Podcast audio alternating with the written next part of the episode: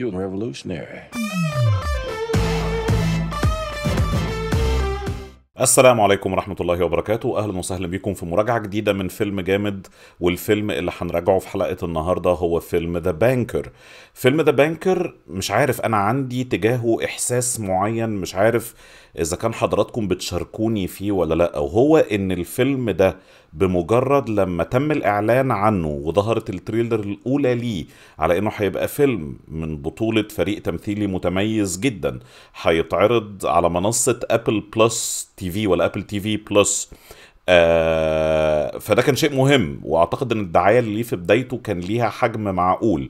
آه ولكن فجأة ولا حاجة. يعني أنا أنا انطباعي لغاية لما الناس ابتدت تقول لي اتفرج على The Banker واديله فرصة أنا كنت تحت الانطباع ان هو ما اتعرضش أصلا ان هو لسه ما اتعرضش لغاية دلوقتي. كنت متصور إن أول ما الفيلم ده هينزل هيبقى حواليه ضجة كبيرة قوي ولكنه نزل على أنا على قد ما أنا فاهم في مارس وما أعتقدش إن هو خد الضجة المناسبة. وخوفي كله كان إن السبب ورا ده إنه يبقى فيلم وحش. الناس لما اتفرجت عليه اكتشفت إنه ما يستاهلش الهوسة دي كلها. هو الحقيقة في سبب سبب واضح جدا وعملي جدا بيخلي الفيلم ده ضحية.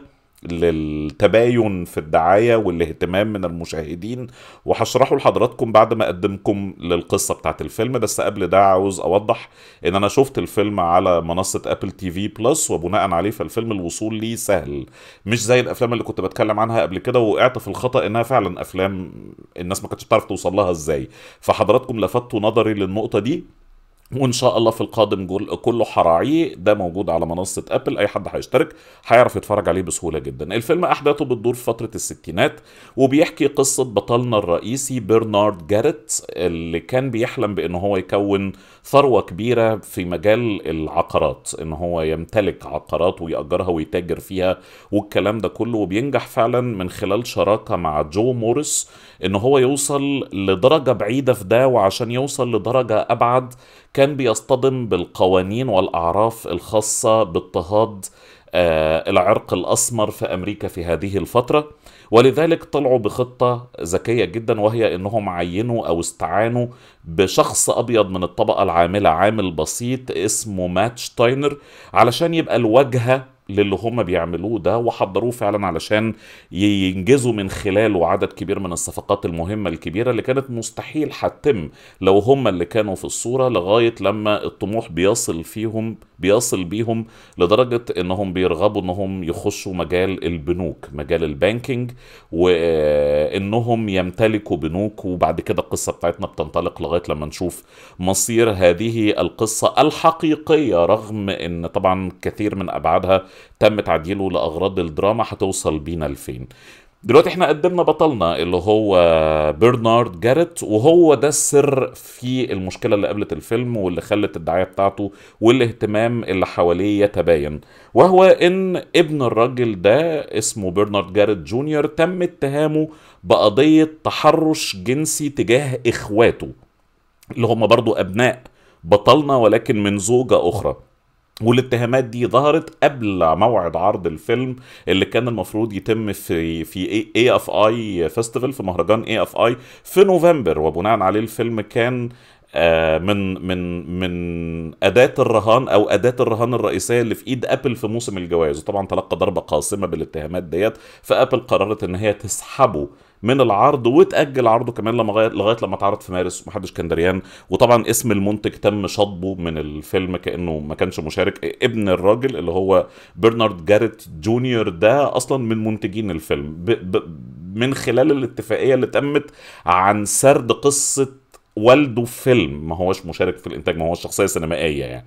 بس فده اللي حصل إن من الآخر الفيلم اتضرب بفضيحة فبناء عليه قرروا إن هم يهدوا النار عليه لغاية لما عرضوه تقريبا في السر.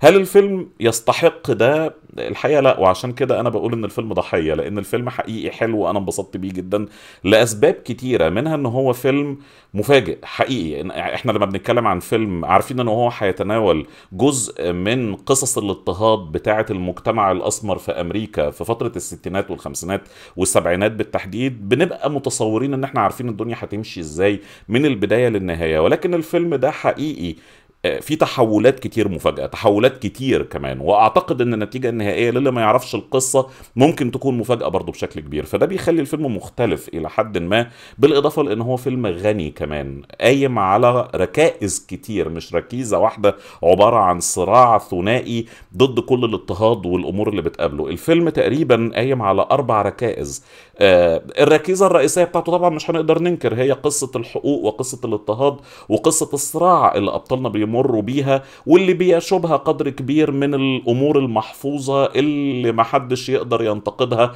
لأنها في النهاية بتدافع عن شيء إيجابي ولكن من كتر ما شفناها بقت بتؤخذ كجزء كجزء سلبي أو كعنصر سلبي في تجربة المشاهدة. ده موجود والفيلم مش بريء منه ولكنه ليس الركيزة الأساسية للفيلم. عندنا ركيزة تانية مهمة جدا وهي رحلة بطلنا اللي بنشوفه من ساعة لما كان في بداياته المتواضعة جدا الفقيرة جدا وبنشوف طموحه اللي بي... بيدعو كل الناس اللي حواليه إن هم يسخروا منه ويتصوروا إن طموحه ده مش واقعي على الإطلاق وبنشوف خطوات نجاحه عاملة إزاي بدون ما نعمل قفزات عريضة وبناء عليه الدنيا سلسة وقابلة للتصديق لأنها فعلا قصة حقيقية ولكن حتى تجربة نقلها للدراما تمت بشكل كويس وبشكل مقبول. عندنا بعد كده قصة الدراما نفسها بتاعت أحداثنا لأن إحنا مش بس بنحكي قصة صعود شخصية حقيقية إحنا كمان بنشوف الدراما المحيطة بمحاور ومفاصل مهمة جدا في القصة دي ومنها طبعا الخدعة اللي تمت بتعيين الشخصية بتاعت مات في الدور بتاعه كوجهة تمثيلية آه، ما وراهاش أي حاجة حقيقية غير لمجرد إن هو ده الوش اللي الناس عاوزة تشوفه وعاوزة تتابعه وعاوزة تعرف إيه اللي بيحصل آه، من خلاله أو إيه إيه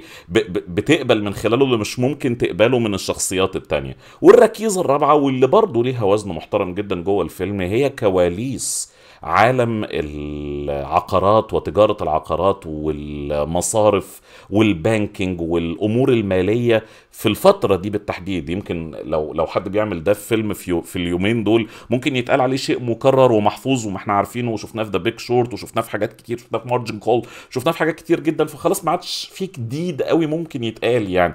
ولكن لما ننتقل للحقبة دي لا في كتير جديد يتقال. والفيلم ما بيتعاملش معاه بسطحية. لو في أمور بنكية دقيقة جدا. الفيلم بيبذل مجهود مقبول علشان إحنا نفهم إيه اللي بيحصل وفي نفس وفي نفس الوقت نقدر إن اللي بيحصل ده مش سهل.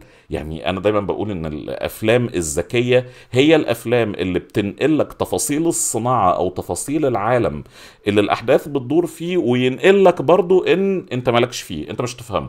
انت مش هتعرف تلمه زي أبطالنا عشان تقدر هو قد إيه صعب وتقدر في نفس الوقت إن أبطالنا دول أو شخص أو شخصياتنا دول شخصيات استثنائية. ولكن دايما بيبقى في سفير الغباء. دايما في الأفلام اللي زي دي بيبقى في شخصية سفير الغباء اللي بيشرحوا له الأمور دي وسفير الغباء ده هو سفيرنا إحنا يعني. المشاهدين العاديين. امثالنا اللي ما فيش أي داعي في الدنيا يخليهم فاهمين كواليس وخبايا عالم الأموال والحاجات دي كلها عشان يشرحوا له فكأنهم بيشرحوا لنا ونكتشف إن إحنا ما فيش أمل فينا إن إحنا نفهم وان المهم إن الناس دي ذكية كافية إن كفاية إنها تفهم الأمور دي كلها.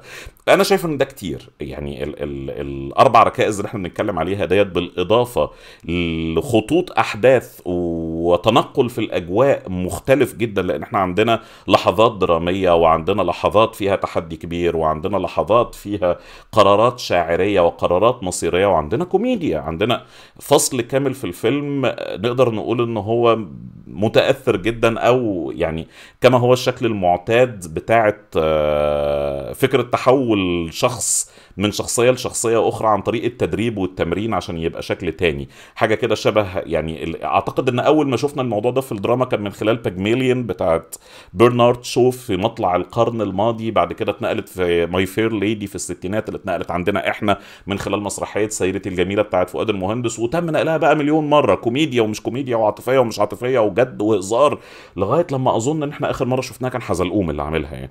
فكرة وفي كوميديا كتير بالهبل بتطلع من ده والفيلم الفيلم ده بالتحديد اداها فرصتها وحقيقي كانت فعالة وحقيقي كانت مؤثرة.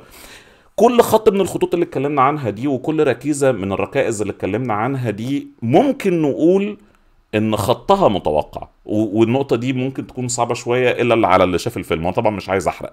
يعني لما نيجي نتكلم على قصة صعود شخص في عالم الراسماليه سهل تتوقع. لما نيجي نتكلم على قصة تحول بني آدم على سبيل الخدعة علشان نخضع نلاقي فرص أو نخضع فرص لنفسنا داخل نظام ظالم أعتقد إحنا ممكن نتوقع. الصراع ضد التمييز أظن إن إحنا ممكن نتوقع.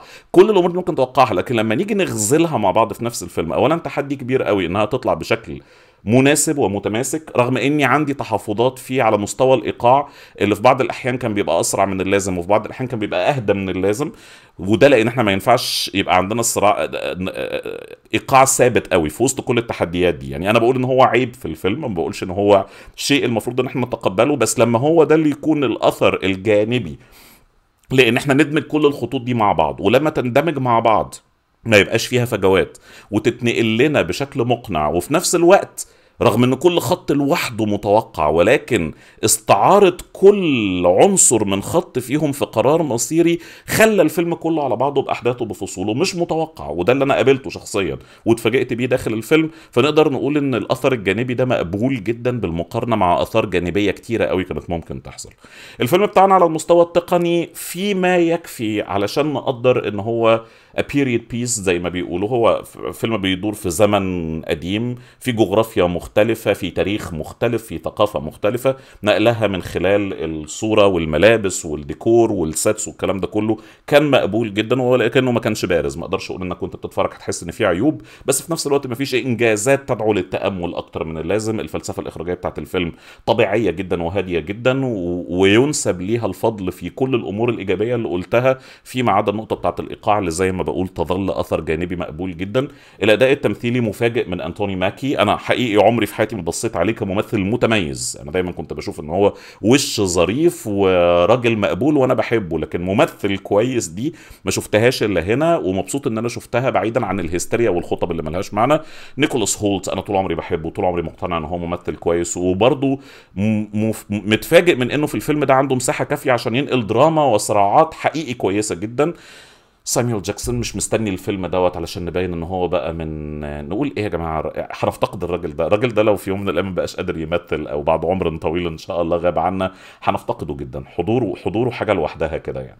أنا أنا سعيد إن في العالم اللي إحنا فيه في الأيام اللي إحنا فيها ديت لسه عندنا فرص إن إحنا نشوف أفلام جديدة لساميول جاكسون. في الحبسة اللي إحنا فيها دي مجرد وجوده بالكوميديا بتاعته بالكاريزما بتاعته بشخصيته بسحره بكل الأمور دي حاجة تسعدني جدا جدا جدا. وده مش تقليل اطلاقا مش من أدائه في الفيلم ولكن هو ليس الأداء الأبرز في تقديري الشخصي.